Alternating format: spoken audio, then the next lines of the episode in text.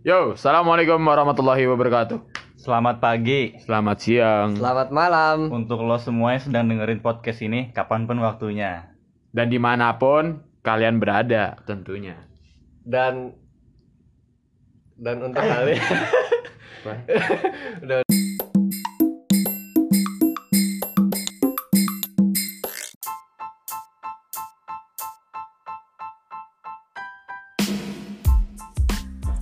Yo, balik lagi bersama gue Cani Gue Rifki. gua Ocit. di podcast Bincang Kalau. Ye. Gokil. Gimana jadinya ini, Cid? Apaan?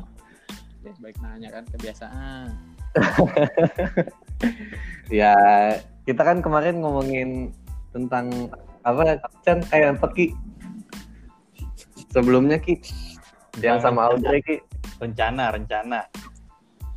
Nah, sekarang kita bakal bahas tentang sesuatu apa Chan?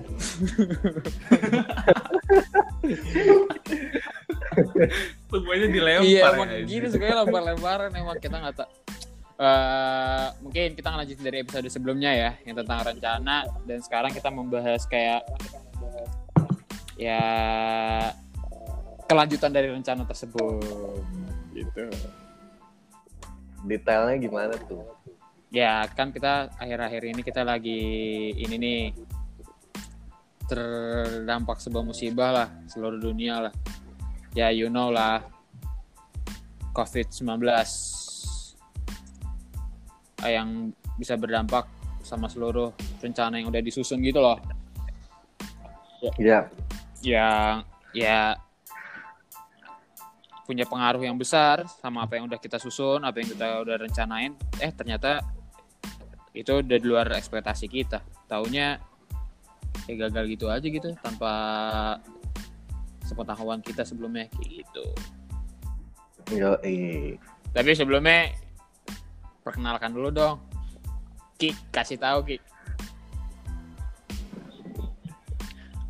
Iya, jadi nih kita kedatangan sebuah Teman Kok Sebuah. sebuah? Seonggok, seonggok, seonggok. karena karena dia itu sebuah sebuah. Apaan? ya kali ini kita kedatangan seorang seseorang. Sosok dia teman kita juga. Gue lebih pengen seseorang sih Mil. Karena teman berbi- karena teman lu berbincang ya. iya. Aduh gimana sih Chan? Lu mau matain gue aja Iya, maaf Ki, maaf Ki, lanjut Ki, maaf Ki. Ya jadi kita kedatangan tamu, tamunya tuh teman kita, teman kita SMA. Dia punya banyak banget lah pengetahuan, pengetahuan yang mau di-sharing mungkin barangkali. Waduh, buset. Langsung aja Ki ke intinya. Iya Ki, langsung aja Ki. Ya udah namanya Mas Raffi ketua Kamil. Nah, dia itu mantan ketua OSIS, terus sering banget jadi relawan-relawan. Relawan apa tuh? Ya relawan kayak ngajar anak-anak. Hai. Pokoknya udah banyak lah pengalamannya, mungkin nanti bisa di-sharing ke kita gitu. Siap. Buset, berat banget ya. Gila, gila. Gue gua, gua sudah di set ekspektasi tinggi sejak awal gitu buat pendengar-pendengar dan itu berat banget sih sebenarnya buat gue. Lah santuy. Nah. Yo, perkenalkan diri. Silakan, silakan.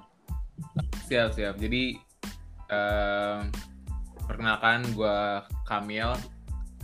Eh, ya gue gue biasa dipanggil Kamil. Gue temannya Ocit, Rifki, dan juga Chani sejak SMA. Kita terlibat di banyak kegiatan bareng-bareng, mulai dari organisasi, kepanitiaan, sampai eh, tanding futsal, Iya, kenal. Iya. Ya. karakorum. Iya.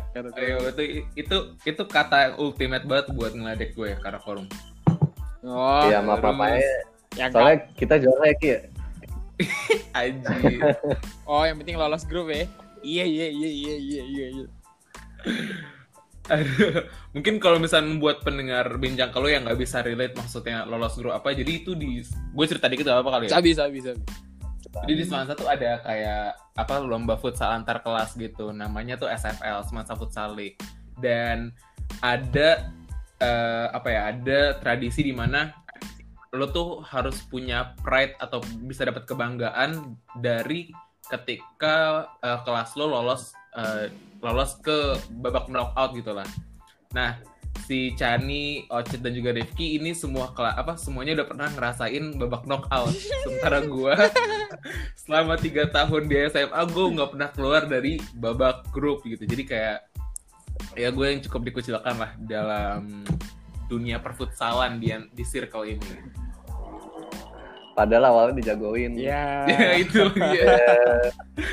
parah banget Ki, parah banget. Awalnya 9-0 ya. Aduh. Ayo maaf. Ya udah, lanjut lanjut back to topic, back to topic. Back topic. Kesibukannya apa nih? Abang Kamil satu ini. Gue sibukannya lagi kuliah. Hmm.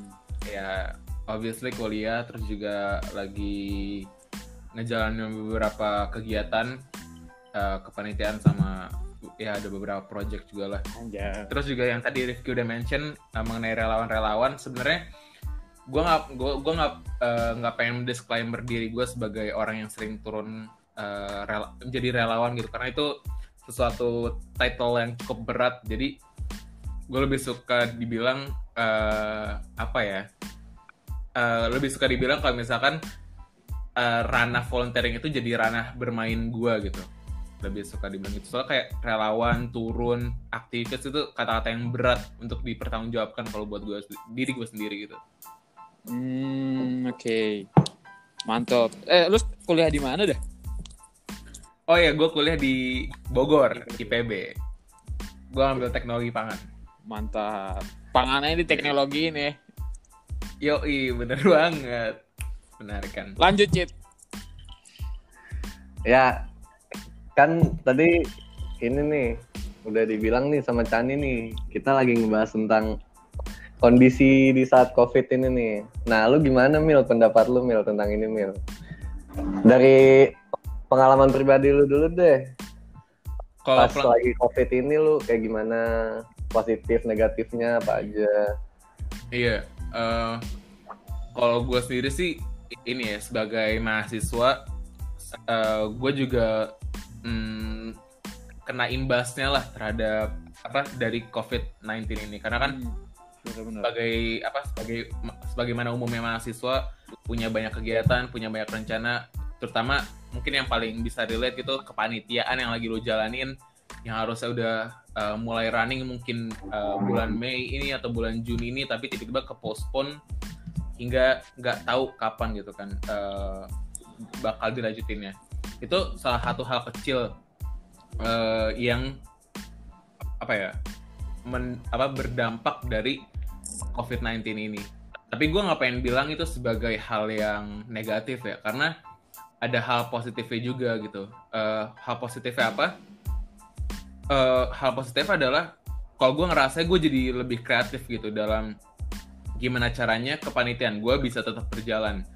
Ambil contoh kalau misalkan tahun lalu mungkin kepanitiaan yang gue jalanin ini tinggal nge-copy pasta aja gitu dengan dari ke kepanitiaan yang tahun sebelumnya gitu tahun 2018 tapi sementara gue kepanitiaan tahun 2020 itu harus punya cara sendiri. Nggak bisa nge-copy paste cara di cara kepanitiaan tahun 2019 karena tahun 2019 gak ada covid gak ada gak ada uh, apa ya atmosfer atmosfer yang kayak gini gitu. Jadi ini juga menurut gue uh, jadi pacuan uh, terpaksa gitu secara terpaksa buat kita jadi lebih kreatif untuk nanggulangin kondisi-kondisi kayak gini sih biar kepanitiaan tetap berjalan menurut gue itu sih positif ya Dalam gak, dalam gak sadar sebenarnya kayak self improvement gitu ya. Bisa dibilang. iya Iya bener, iya benar. bener banget Tapi sebenarnya yang akhirnya kan semua ini kan kita dirumahkan ya apa bisa dibilang namanya PSBB. Apa PSBB Ki? Pembatasan sosial berskala besar. Anja. Asik, gue nggak tahu tuh kepanjangannya apa tuh. kayak semua kegiatan dirumahkan Ki- kayak kita tuh gimana ya? Kita kayak udah termindset gitu loh. Sedangkan di rumah itu adalah tempat istirahat gitu. Tempat di rumah tempat istirahat di rumah tempat pulang ya di rumah udah. Kayak nggak ada lagi yang lu kerjain gitu. Di rumah adalah tempat gue bermain simpelnya kayak gitu. Terus lu menanggapi hal itu gimana tuh Mil Hmm, iya, iya. Ini semua pertanyaan buat gue oh, kan enggak, maksudnya gimana? diskusi bareng-bareng aja gimana nih Cit gimana nih Ki Ya, gue setuju sih yang lo bilang dulu sebelum ada COVID-19 ini rumah jadi tempat gue istirahat doang. Biasanya kan dulu misalnya sekolah ya, gue sekolah. Karena kuliah kan gue udah di kos, jadi nggak pulang ke rumah. Kalau dulu pas sekolah biasanya berangkat pagi, terus balik-balik ke rumah malam lagi, terus di rumah cuma tidur doang. Nah jadi ngerasa banget kalau di rumah tuh cuma tempat istirahat atau tempat relax lah gimana gitu. Terus setelah Iya. ada COVID-19 ini, jadi gue ngerasa kan semua muanya dari rumah ya, mulai dari kuliah, ngerjain tugas, dan Hmm. segala hal yang berkaitan dengannya. Jadi jadi bikin lebih gue bikin diri gue lebih berkembang aja sih. apa tuh jadi dari segi bentuk tubuh apa gimana berkembangnya Ngapa bentuk tubuh dah? ya maksudnya kan tubuh. melar makan terus ah lu Bentuk, bentuk tubuh juga termasuk Cian kayak lo yang sering workout di rumah. iya iya iya iya Nggak dibocorin dulu Ki, dia pengen ngomong sendiri Ki. Iya. saya kencur Bridging lu ini banget ya, smooth banget ya Chan ya. ya saya ya udah pokoknya dari dulu yang di di rumah cuma istirahat.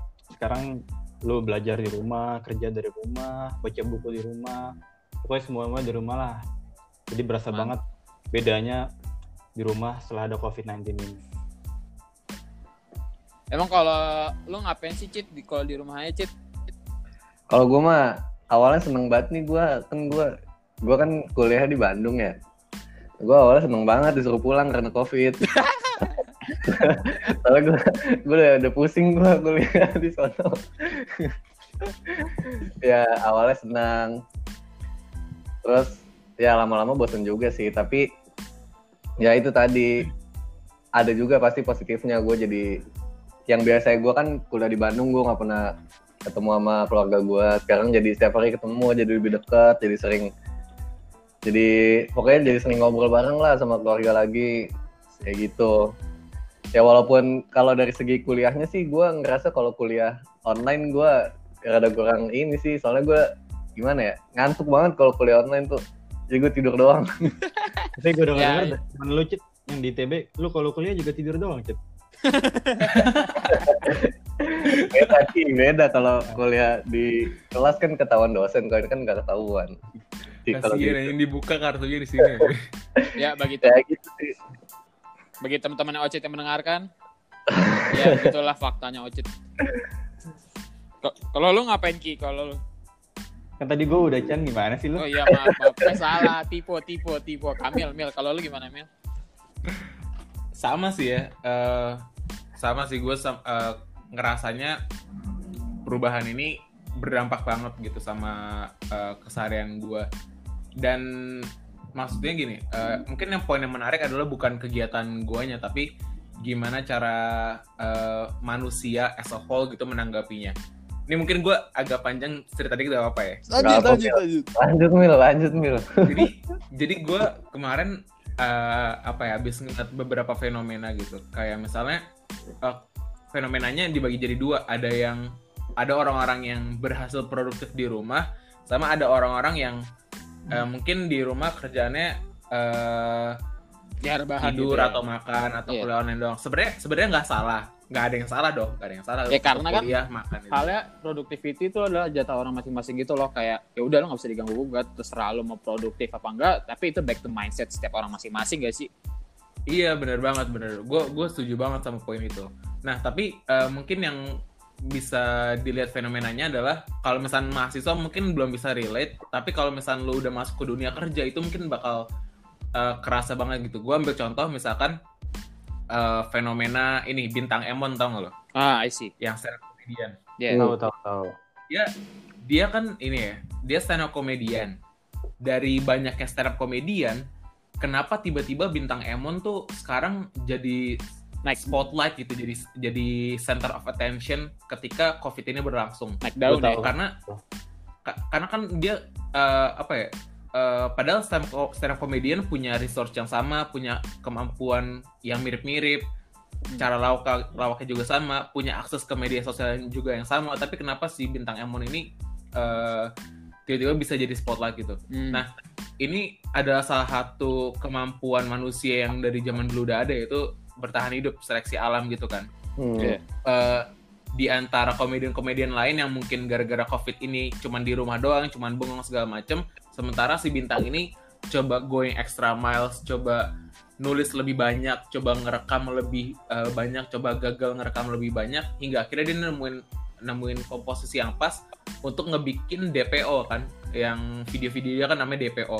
Hmm. Eh hingga akhirnya dia nge-share ke Twitter, dia nge-share ke Instagram, akhirnya viral.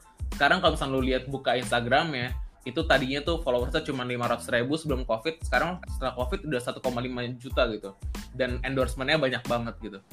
Nah menurut gue ini salah satu apa ya eh, kemampuan manusia gitu sih Bertahan Eh, ya. ada yang bisa iya bertahan hidup gitu ada yang bisa bertahan hidup ada yang bisa kagak gitu mungkin mahasiswa belum bisa relate tapi kalau misalnya lu udah masuk ke dunia kerja yang mikirin duit yang hasilin duit dan itu menentukan kehidupan lo itu bakal kerasa banget sih menurut gue.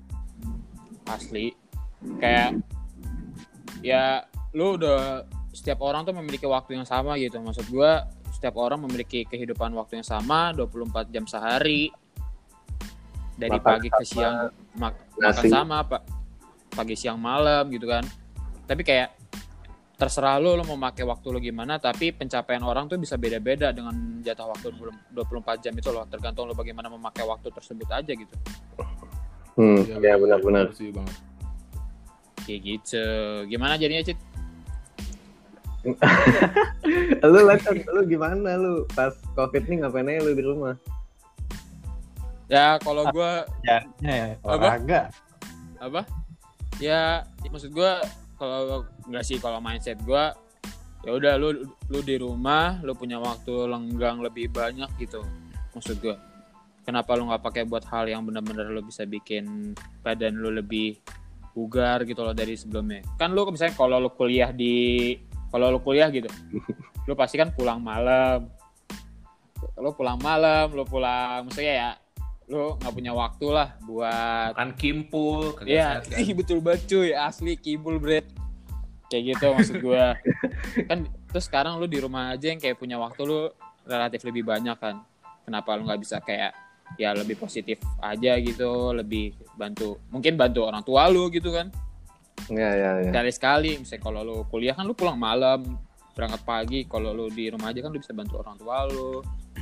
Atau kayak ya positif aja lah sama yang gue bilang tadi orang punya 24 jam yang sama tergantung bagaimana memakai 24 jam itu menjadi hasil yang lebih baik Benar. Iya, benar, benar. benar. aja Tapi ini bakal kelihatan banget gak sih kayak nanti nih misalkan kita kan anak mahasiswa nih pas masuk kuliah kayak kita bakal tahu nih kira-kira siapa aja nih pas selama covid yang efektif banget pas di rumah atau yang cuma gabut-gabutan tuh kayak bakal kelihatan banget pasti ya pas masuk kuliah tuh. Iya benar. iya mungkin kali ya. Ada yang mungkin pas lo tiba-tiba masuk di ini orang kok jadi pinter banget gitu ngerti gak? iya iya iya. Atau enggak nih orang kok jadi kayak eh jago banget nih olahraganya bisa kayak gitu. Anjay. Oke. Tinggung lagi, Chan. saya kencur. Kayak gitu Tapi gue gue mau nambahin dikit eh, mengenai nambah ini tambah ya, silakan eh, silakan apa namanya orang ada orang yang produktif ada yang enggak ada yang positif atau atau negatif gitu. Tadi sebenarnya udah dimention sama Chani eh, mengenai misalnya setiap orang tuh ada waktunya gitu.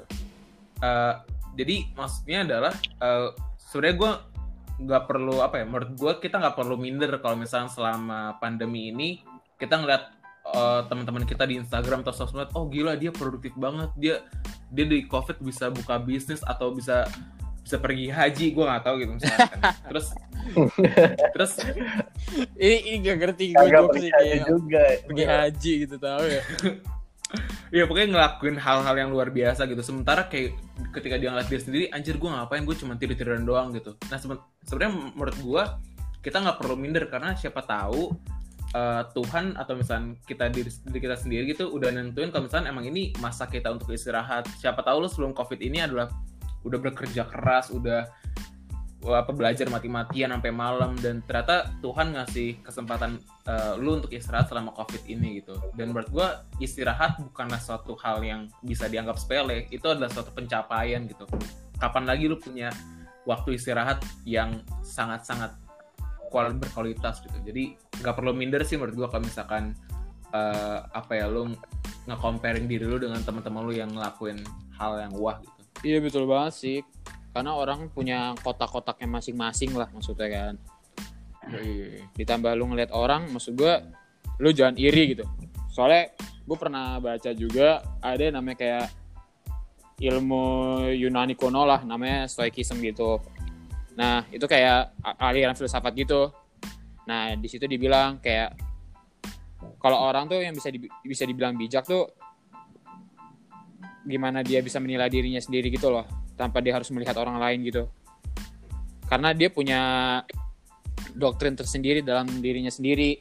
Ja- jangan sampai lu dibuat iri sama orang-orang sekitar karena orang punya memiliki kapabilitas masing-masing sendiri gitu loh. Jadi kayak ya lu punya kemampuan lu punya target ya kejar itu dengan sendirinya tanpa lu harus melihat kanan kiri karena orang punya jalannya masing-masing simpelnya kayak gitu sehingga emang paling filsafat lu Chan. gimana cara bertindak bijak aja terhadap dirinya. Ini gitu salah satu bray. efek positif covid mil. Jadi banyak baca deh. Ya kencur Alhamdulillah ya. kencur. nah. Alhamdulillah alhamdulillah.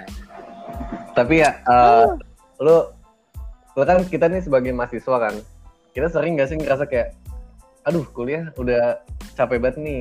Tapi pas giliran udah diliburin selamanya beberapa lama ini kayak anjir gue pengen kuliah dah gue bosen banget di rumah pengen kuliah pengen balik normal lagi. Ngerasa gitu gak sih? Iya banget sih anjir. Maksud gua ngerasa sih ngerasa sih? kayak banyak hal-hal yang nggak lu sadarin nggak lu syukurin ternyata itu sebuah hal yang penting banget bagi kita anjir.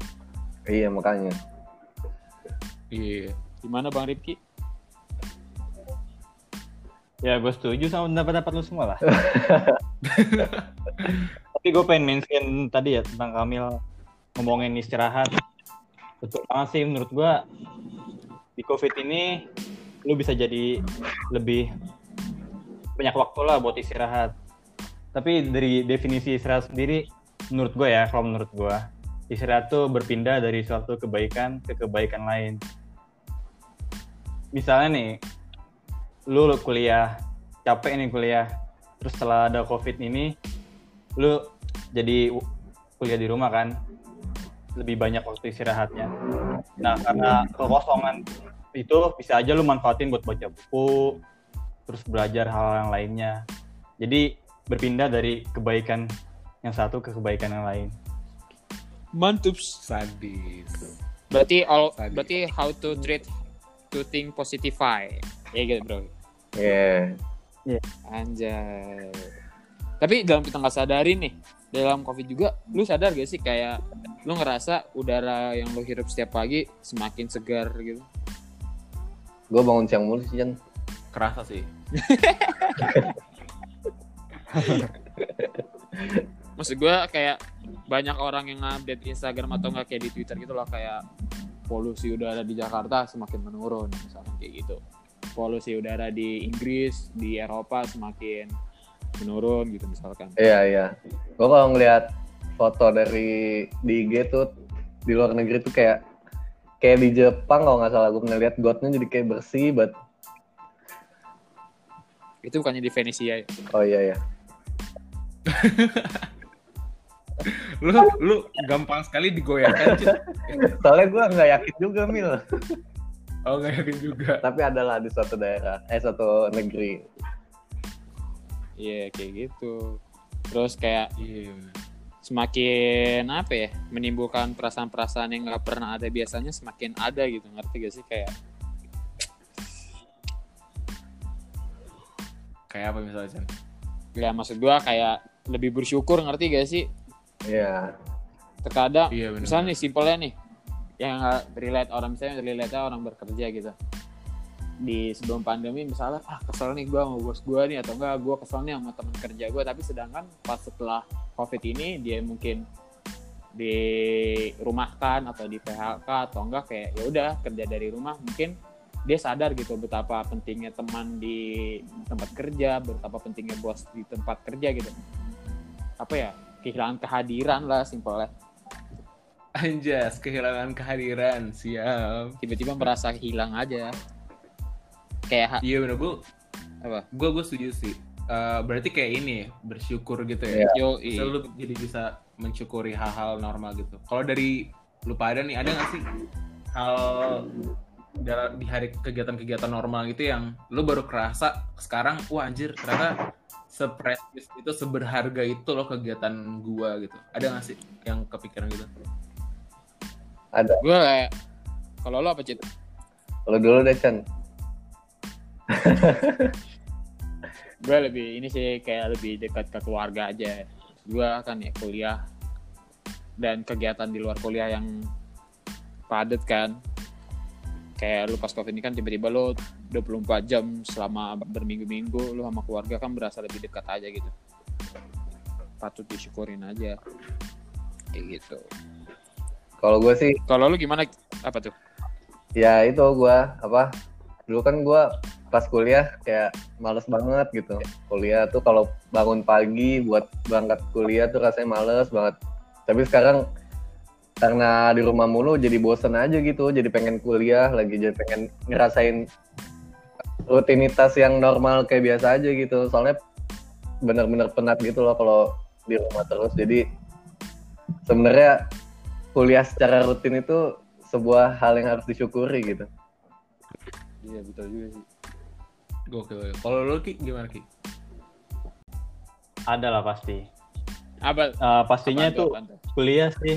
Kuliah, kuliah ngerasa kerasa banget. sama kayak gue Ki berarti Ki Sama tadi lu jawab itu. Iya, nggak apa Ki, samaan. Eh, kan kuliah tadinya ketawa-ketawa aja lu. kuliah yang tadinya kita tatap muka sama dosen kan. Terus karena kita tatap muka, mungkin penjelasan dosen lebih enak kita pahamin gitu, lebih ngerti. Terus semenjak kuliah online jadi nggak tatap muka terus kayak penjelasannya kurang gitu. Kayak misalnya ada gangguan dari speakernya atau mic dosennya yang secara nggak langsung itu membuat penjelasan dosennya itu nggak jelas. internet lu kali Jadi- tuh Ya kadang gangguan internet juga. Terus karena tuh kuliah online jadi Iya, ngantuk, malas bangun. parah parah Karena biasanya nggak kalau kalau kuliah offline kan mau nggak mau biasanya ya. sama aja Kalau gua selalu mandi, selalu mandi. oh. Jadi abis mandi kan seger. Kalau kuliah online bangunnya mepet. Dari bangunnya mepet, akhirnya Absen ngantuk. Iya ngantuk absen doang tinggal tidur. Iya. Jadi maksud lu gue nggak nggak mandi gitu Ki kalau kuliah Ki? Ya gue nggak Oh, iya. ngomong lu Cit. Oh, kalau nggak gini ya, kalau nggak gini nyalain laptop, buka aplikasinya Meet misalkan ya. Habis itu tinggal tidur, nanti udah terima kasih Pak, terima kasih Pak gitu ya. Iya iya Benar. betul. Kalau lu gimana Mil? Ada nggak Mil? Kalau gue, gue mungkin paling kerasa ini sih eh, praktikum kali ya. Soalnya kan gue eh, teknologi pangan dan itu berhubungan banget sama kimia gitu kan dan sering gue gue seminggu tuh bisa nge-lab sampai lima kali atau enam kali lah gitu. Nah karena itu gue tuh jadi apa ya jadi kerasa ketika kuliah online ini nggak ada praktikum gue ngerasa ada yang hilang gitu. Padahal padahal ketika gue kehidupan normal biasa prakti- praktikum tuh jadi salah satu kegiatan yang momok banget buat gue kenapa? Karena kelar praktikum lu pasti ada laporan. Lu ada laporan laporan laporan laporan deadline deadline deadline. Eh, ketika kegiatan nor- kegi- ke- ketika keadaan normal praktikum ini kayak apa yang sering ngebuat gue menyumpah serapah lah ngomong-ngomong ya kasar gitu segala macam mengeluh mengeluh Iya, lah iya. mengeluh nah ketika online ketika kuliah online gue malah malah merasa kehilangan karena kayaknya tubuh gue udah terbiasa apa ya dengan rutinitas uh, praktikum itu sehingga ngerasa ada yang kurang aja ada yang, ada yang hilang gitu Iya. jadi kangen praktikum Oh, gue setuju banget, gue setuju banget min sama lu. Tapi gue beda sama lu. Kalau lu kan jadi online ya. Kalau gue jadi diundur nih ke semester depan. Jadi numpuk. Hmm, Nah, nah karena diundur ini gue takut banget nih. Jadi semakin Iya, berat iya, gitu. Iya, iya. Iya sih jadi lu double gitu ntar apa gimana Iya, di double gitu. Kan semester ini gue ada tiga praktikum. Nah, karena COVID ini bakal diundur ke semester depan. saat COVID-nya udah udah hilang lah, saat udah kehidupan normal. Nah, karena tertundaan ini, jadi takutnya semakin berat di semester berikutnya gitu, nambah tiga Hmm. praktikum. I- iya deh, asli deh. Maksud gua kayak sekarang kita akan mendapatkan cobaan-cobaan gini gitu. Tapi kita nggak tahu gitu. Maksud gua kayak ke depannya bakal ada apa dan gimana gitu. Ngerti gak sih? Soalnya ini sesuatu hal yang tidak kasat mata gitu. Ngerti gak sih? Hmm. Paham paham. Jadi maksud lo ini ya. eh, kita kita mungkin sekarang ngiranya semester depan kita udah masuk ke kuliah lagi ya. Iya. Rifki udah ke UGM lagi, Ocit udah ke ITB, gue ke Bogor, Ya gue di sini-sini Candi aja. ke UI. Tapi siapa tahu eh, semester depan kita masih kuliah online Nah, anjir. itu dia benar banget. Dan, Dan dan kita nggak tahu kapan lagi bakal datang ke kampus gitu. asli. Maksud gua kayak Ya lu berdua masih bisa lah, masih deket gua kapan lagi? Barang-barang gua di Sama, semua. tapi pasti itu butuh kesiapan banget sih maksud gua kayak ekspektasi ekspektasi yang buruk yang buruk yang siap harus kita hadapin aja ke depannya kalau menurut lu gimana pada kalau menurut lu gimana pada Iya. Kalau kalau ya Cit tanya Cit. dulu. Cit, tanya dulu. Kalau gue ya, Ah, kalau gue ya, eh eh, gue tuh gue tuh ngelihat kalau misalkan eh, apa ya, ini kan berarti uncertainty ya, ketidakpastian. Kita nggak tahu bakal mulai kuliah kapan, kita nggak tahu bakal masuk kapan. Dan menurut gue uncertainty itu adalah sesuatu yang harus ada sih di kehidupan kita sehari-hari. Karena biasa tuh uncertainty ini yang ngebikin kita jadi lebih excited, jadi lebih prepare ketimbang kalau misalkan eh, kegiatan-kegiatannya udah certainty. Gue ambil contoh misalkan nih, Hmm, eh, ketika sekarang nih, eh, misalkan tariklah lima bulan yang lalu keadaan masih normal, itu lu bangun pagi hari Senin pasti mager gak sih? Kayak bangun pagi tidur tuh lu pasti mager karena lu udah kebayang, lu udah udah udah tahu nih kepastiannya kalau misalkan oh setelah bangun gue pasti harus mandi, gue harus ngejar kelas jam 7, gue ada praktikum jam 10, gue ada kelas lagi jam 1, kayak lu udah tahu rutinitasnya jadi lu bosen gitu iya benar sesuatunya semuanya udah certainty. Coba lu compare dengan ke, dengan ketika lu masih kecil. Ketika lu masih kecil TK, lu bangun dan tak dan eh, lu bangunnya pasti excited karena lu nggak tahu nih hari ini bakal ada apa. Siapa tahu ada banyak pertanyaan yang bisa lu jawab. Siapa tahu hari ini lu bakal diajak ke taman bunga. Siapa tahu hari ini lu bakal main. Siapa tahu lu hari ini bakal ketemu teman baru gitu. Banyak uncertainty yang menunggu lu dan itu membuat lu excited. Nah, ini menurut gue bisa related kalau misalnya kita ambil positif ya bisa related dengan uncertainty yang kita hadapin selama covid ini sih jadi kayak apa ya menurut gue uncertainty ini harusnya bisa ngebawa kita jadi lebih eh, punya kehidupan yang lebih berwarna lah gitu karena kita kita nggak tahu ke depannya bakal kayak gimana dan menurut gue kalau misalnya kita ngambil positif ya pasti bisa ngebuat kita jauh lebih eh, bersemangat menjalani hidup gitu. Ketimbang kalau misalnya kita udah tahu pasti pastinya gitu. Iya sih tapi kita berhadapan yang dengan yang rada tanda kutip negatif nih. Jadi kayak takut. Iya iya benar benar. Circumstance kita ngadepinnya uncertainty dengan covid. Covid. Aduh ada gimana kemungkinan meninggal kan Innalillahi astagfirullah. Astagfirullahaladzim. Gimana Ocit? ya gitu apa Eh, kalau misalkan ya bakal terus berlangsung gitu kalau dari gua pribadi sih ini eh, dari gua maksudnya kan gua mahasiswa jurusan fisika gitu ya buat buat orang-orang anak-anak jurusan fisika tuh pasti bingung dia bakal kerjanya nanti apaan gitu. Serius serius. Hampir hampir seluruh eh, mahasiswa jurusan fisika tuh bingung kerja jadi apa selain jadi dosen sama peneliti gitu. Loh.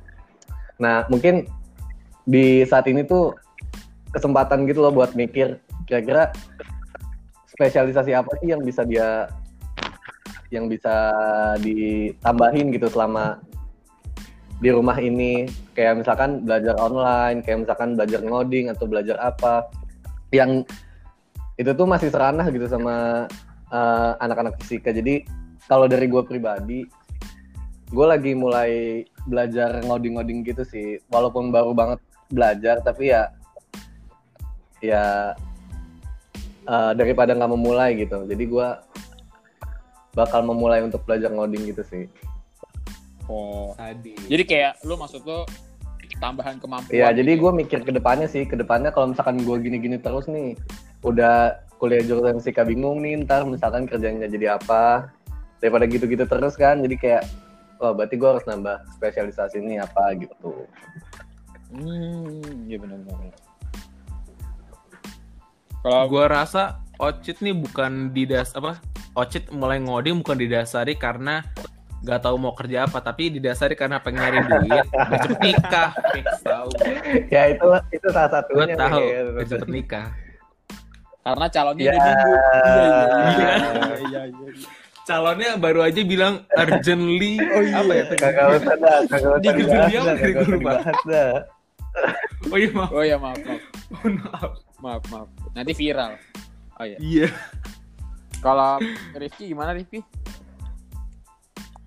Ya, menurut gue sih jawaban dari kedua temen gue udah jelas lah. Kayak mirip kayak mereka. Apa main Pepe? Tidak menjawab. Tidak menjawab. Kalau lu sendiri gimana Jan? Ya, kalau dari gue sendiri sih apa pun yang harus disi- dipersiapkan ya dipersiapkan dengan baik aja lah. Karena kan kita nggak tahu apa yang bakal kita hadapi di depan kan.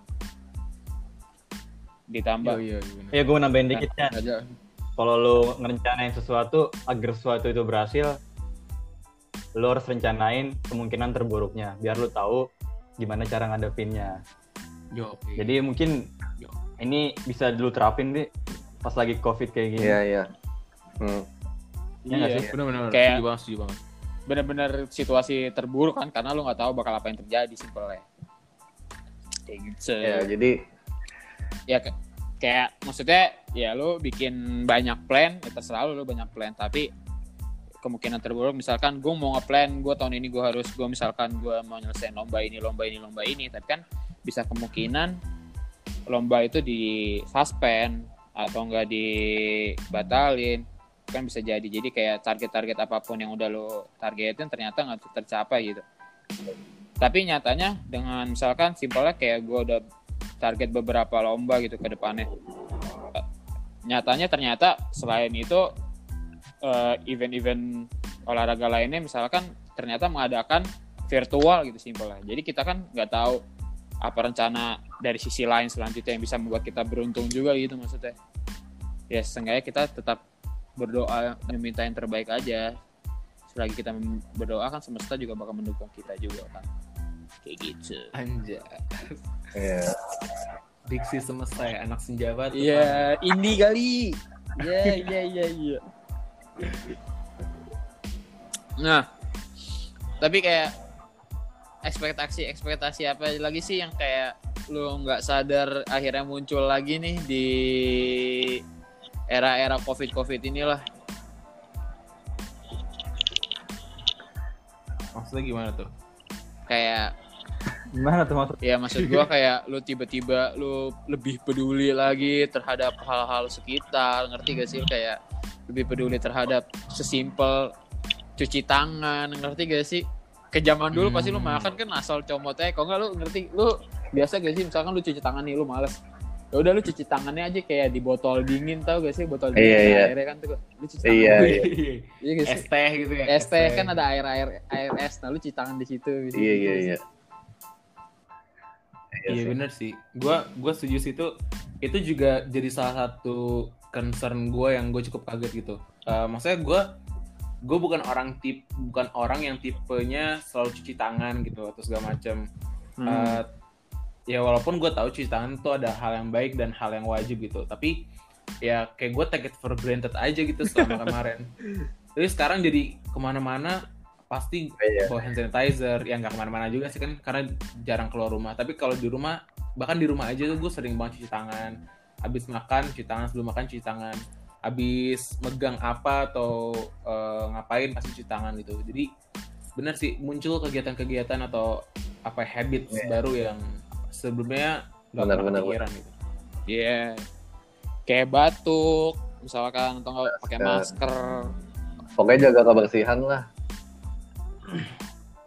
Iya, Iya. kayak pak bener-bener bener.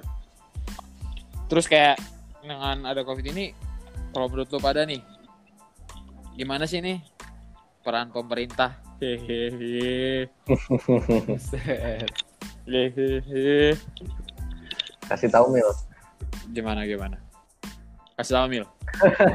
Buset, gue gue bukan ini ya, gue bukan expert Eh, apa hal-hal kayak gini. Gue pun kuliah juga bukan menjurus ke hal-hal yang mengadvokasi atau mengkritik suatu kebijakan politik gitu ya, suatu kebijakan pemerintah. Hmm. Kayaknya ini lebih cocok dijawab lo nih Chan. Apa gimana Chan?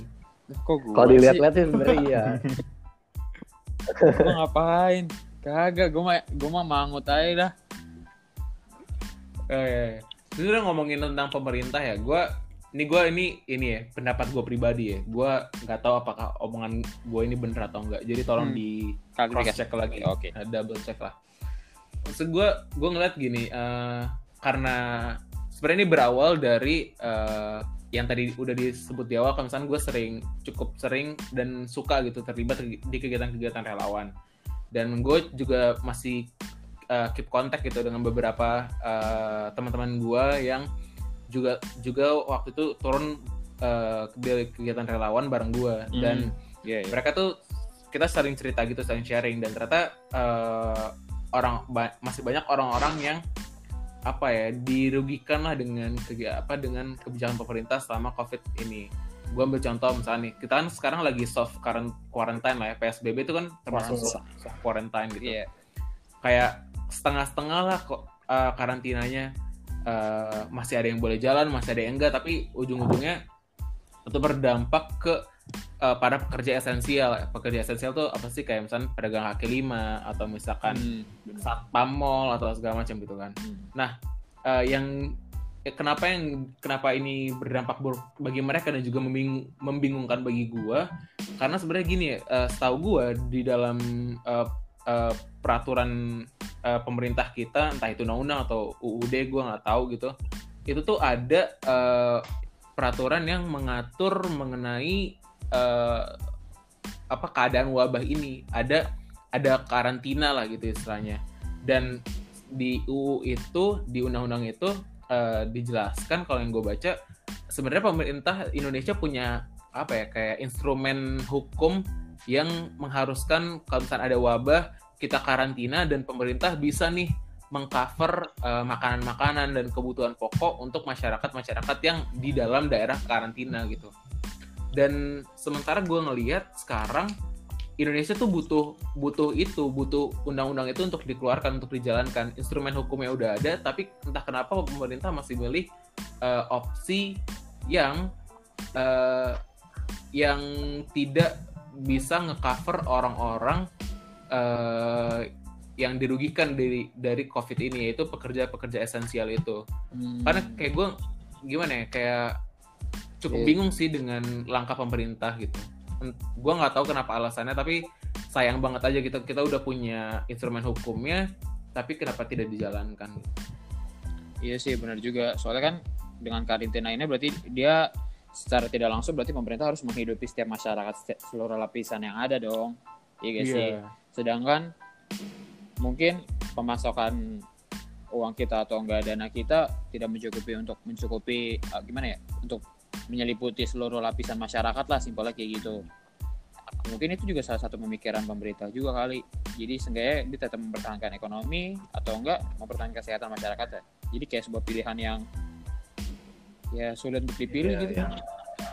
Mungkin kalau Iya. dari pendapat gue ya, eh eh, di satu sisi mungkin eh, pemerintah emang ada salahnya gitu, tapi mungkin di sisi lain juga dari masyarakatnya gitu kurang kurangnya akan kesadaran gitu. Misalkan udah ada nih eh, peraturan untuk PSBB gitu atau di rumah aja gitu, tapi masih banyak yang keluar keluaran gitu di luar buat nongkrong lah, buat apalah. Jadi sebenarnya eh, keadaan yang kian memburuk ini tuh sebenarnya bukan eh, kesalahan dari berbagai elemen gitu, baik itu pemerintah maupun masyarakatnya itu sendiri yang kurang sadar, yang jadi eh, yang rugi tuh sebenarnya malah yang eh, yang taat gitu, kalau bisa dibilang kayak gitu.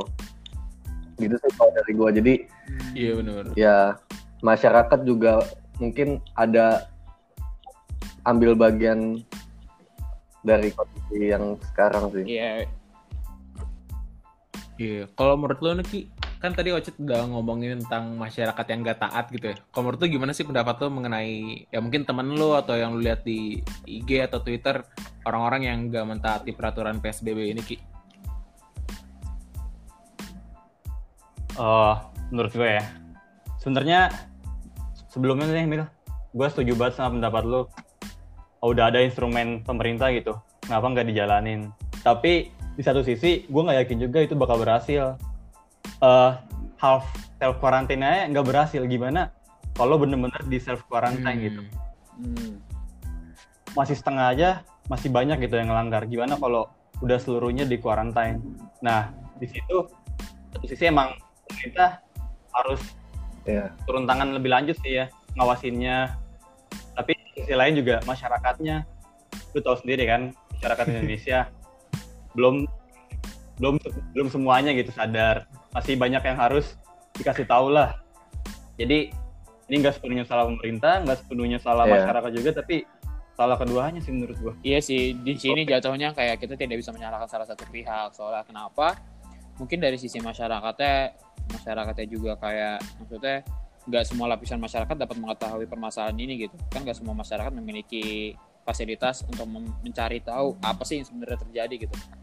Sedangkan dari Oh ya menam, menam, menambahin sedikit tadi yang Kamil bilang, eh ya teman-teman ya yang di luar, eh berhubung gue lagi nggak main IG, jadi gue nggak ngelihat snapgram snapgram teman gue yang lagi di luar, tapi gue ngelihat di Twitter tuh banyak banget orang-orang yang iya iseng lah ya, iseng-iseng keluar, terus dengan beraninya divideoin, ya itu orang-orang menurut gue gimana ya? ya soalnya dia ngerugiin orang lain ya, lagi kan? gitu? Orang aja. lain ya Itu harus sadari sama sama teman-teman deket tuh menurutnya. maksud gue Iya. ya mungkin dia ngerti gue. ya kita kan juga nggak bisa terus menyalahkan Iya. salah satu pihak juga kan mungkin dia dia mungkin dia tidak mengetahui akan ya tidak apa ya tidak tahu akan pengetahuan dari covid itu sendiri Iya. mungkin. Kan kita nggak Hmm. tahu kan jadi kayak fasilitas apa yang ada kan mungkin setiap masyarakat Ya, mungkin, hal yang berbeda juga. Uh, Dan uh, dari mungkin itu uh, salah satu peran dari pemerintah juga kali yang harus di concernin buat Iya, lebih- betul betul. uh, apa sih ditegasin gitu mengenai hukum. Kayak jadi biar nggak setengah-setengah Iya. gitu. Kan sekarang ini kan kayak apa tuh ada yang Indonesia terserah Indonesia terserah. Itu kan muncul karena bingungnya masyarakat kan karena kurang tegasnya gitu. Ya iya sih. Iya. Terus sebenarnya menurut gue ya, kalau misalkan memang sudah ter ada misalkan nih ada yang melanggar PSBB lalu dia berbangga-bangga kumpul sama temannya dan memang terbukti bahwa tindakannya itu adalah merugikan masyarakat dan juga merugikan diri sendiri menurut gue minimal harus ada hukumannya sih ya. Kayak misalnya, misalnya minimal hukumannya dirajam atau misalnya di Lah. gitu. Menurut gue itu hukuman yang pas sih. Meraja kayak gimana ya maksudnya? Maksudnya adalah orang-orang yang yang perlu dimusnahkan aja dong. Sih yang yang, yang ngerajam kena covid juga dong. Dari kan, jauh, ke dari Batu. jauh. ah dari jauh. Dari jauh.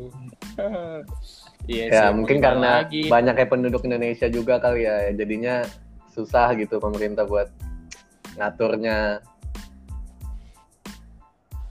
ya seenggaknya ya kita tumbuhin Ya, lah dari diri kita masing-masing diri sendiri aja dulu lah mau gimana Iya, bener. Berarti Iya. ini buat pendengar bincang ke lu, kalau misalnya emang lu nggak punya smart ya? people smart Agak, people agak. Oh, lu manggilnya smart people nih. nggak nggak nggak nggak, nggak, nggak. Berarti buat pendengar bincang ke lu kalau misalnya lu nggak punya kepentingan apa pun untuk dan keluar. lokus pandika dan lokus stay pandika home. Oh ya dan lokus pandika stay at home aja biar lu tetap safe, biar lu tetap healthy dan juga orang-orang sekitar lu Iya, tuh nggak nggak kena dan keadaan untuk covid. gitu. uh, sekarang bakal lebih membaik gitu ke depannya nggak makin mem Oh iya dengar-dengar dengar-dengar ada ya satu keluarga yang kena covid gara-gara tuh nggak tahu sih Oh iya. tahu deh gue dari gue taunya gue nggak tahu tuh Jadi ada ada keluarga di Bekasi. Eh, dia dia sholatnya di masjid, tapi pas pulang-pulang terus dicek Ya. tes corona kan. Eh, Gua semuanya tahu nih, positif. Ki, apa? Semoga Ada keluarga nih, di keluarga itu ada kakeknya.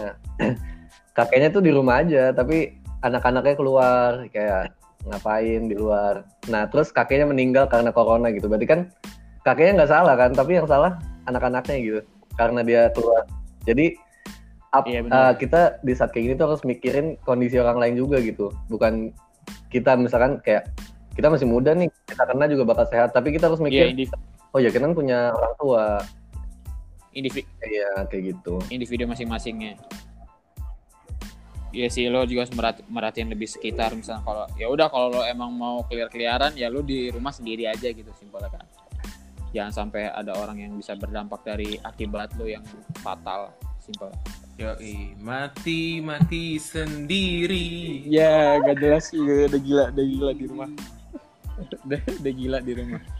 Nih kalau nih bagi teman-teman yang mau tahu undang-undangnya peraturannya apa tadi disebutin Kamil itu mungkin ada beberapa undang-undang lah yang terkait masalah bencana non alam di Undang-Undang Nomor 24 tahun 2007 tentang penanggulangan bencana Sadis. atau enggak juga ada di Undang-Undang Nomor 6 2018 tentang karantina kesehatan. Atau enggak ada juga di pasal 12 peraturan pemerintah nomor 40 tahun 1991 tentang penanggulangan wabah penyakit menular. Bisa Oke. diakses di beberapa peraturan tersebut. Kayak gitu. Sebenarnya iya sih peraturan udah ada tapi gue greget aja gitu. Iya, jadi kalau misalkan lo penasaran, lo boleh langsung googling aja karena nggak tahu kalau gue pribadi ya, gue nggak punya kapabilitas untuk membahas ini di sini, jadi gue nggak berani ngebahas lebih lanjut. Tapi kalau misalnya lo penasaran, langsung googling aja. Siapa tahu lo bisa mengklarifikasi omongan gue kalau misalnya ada yang salah, omongan kita kalau ada yang benar gitu. Betul sekali. Pokoknya ya mungkin pemerintah juga linglung kali ya. Mereka apakah dia menyelamatkan ekonomi apa menyelamatkan kesehatan? Ya. Iya, iya, iya. Itu sebenarnya Jokowi udah jawab sih Hmm. Baik, ikutan. di wawancaranya sama eksklusif sama Mata Najwa eh, Jokowi itu lebih prefer milik kesehatan eh, manusianya kesehatan masyarakat ketimbang ekonomi tapi beliau bilang kedua aspek ini bukan sesuatu yang bisa didahulukan eh, secara apa ya secara signifikan secara berbeda banget tapi emang harus beriringan keduanya tapi dia lebih memprioritaskan kesehatan Betul. Ya udah. Udah mungkin ini buat reminder buat kita semua lah bagi siapa pun yang mendengarkan ini untuk tetap menjaga kesehatan ya. Karena jangan sampai kita memperluas mudorot yang ada. Dan intinya juga uh, kita jangan mikir negatif terus tentang keadaan ini. Kita harus cari positifnya. Kalau kita mikir negatifnya terus kan ya bakal ngestak aja gitu. Kita nggak bakal berkembang. Padahal ini kesempatan kita banget nih buat uh, improve ourselves gitu. teman-teman. Iya bener banget. yoi stoi apa Sto- tadi yang lu bilang Chan stoki stoki Stoikism, stoikism. stoikism yoi Di mana satu orang mendapatkan 24 jam, setiap orang sama, apa kalau mau pakai 24 jam itu dengan baik apa tidak, tergantung bagaimana kalian berpikir. Oke, think positive vibe. sadis Ya udah, gimana teman-teman? gimana apa ya ya udah, semoga apa yang disemogakan, Semoga uh, semogakan lah ya. masa COVID ini segera berakhir. Amin. amin Dan setiap pendengar dapat dapat dalam Amin. lingkungan kesehatan yang baik, Dapat manfaatnya. dapat manfaatnya dan bisa menjadi lebih positif untuk ke depannya. Amin. amin. Kalau lu gimana Ki? Harapan lu nih? Kan tadi Ocit, Rif, apa eh, sama Chani udah ngungkapin harapan nih. Kalau lu gimana Ki? Harapannya ya semoga COVID ini bisa cepat selesai, terus kita kembali berkegiatan dengan normal, terus memanfaatkan semua kesempatan yang ada, Ya, karena udah Amin. belajar dari pengalaman COVID-19. Ya, ya amin amin amin.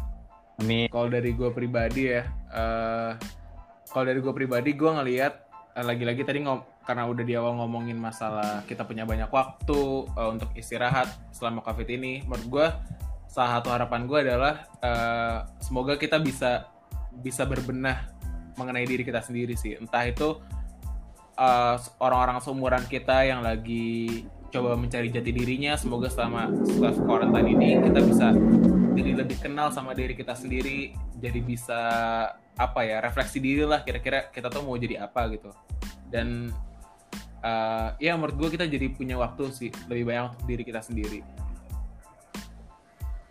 Ya walaupun sedih lah, emang sedih sih kayak kita nggak bisa bertemu teman-teman. Misalnya simpelnya kalau biasanya Ramadan pas Ketika 10 hari terakhir kita biasa ketemu sama teman-teman, kayak itikaf bareng gitu kan di kayak Selasa di Kimpul Juni. ya ya. Maksud gue kan kayak sesuatu budaya yang biasa kita lakuin yang kita nggak bisa lakuin emang sih sedih. Tapi mau gimana untuk keba- kebaikan bersama lah. Kayak gitu. Kita di sini juga mengucapkan minal aidin wal faizin. Umina Muminkum Wamina waminkum. Wasiyamana wasyamakum Siapa mana? Minal Mohon minal maaf aidin wal faizin. Mohon Untuk maaf teman- lahir batin. Untuk teman-teman yang merayakan. Yaudah Mungkin sekian singkat dari kami. Mohon maaf karena kami yakin banyak sekali kesalahan yang telah kami ucapkan. Jika ada Kurangnya dari kami, lebihnya dari Allah. kembalikan Lebih Iya iya iya, iya, iya. Sekian, kurang lebih mohon maaf. Assalamualaikum warahmatullahi wabarakatuh.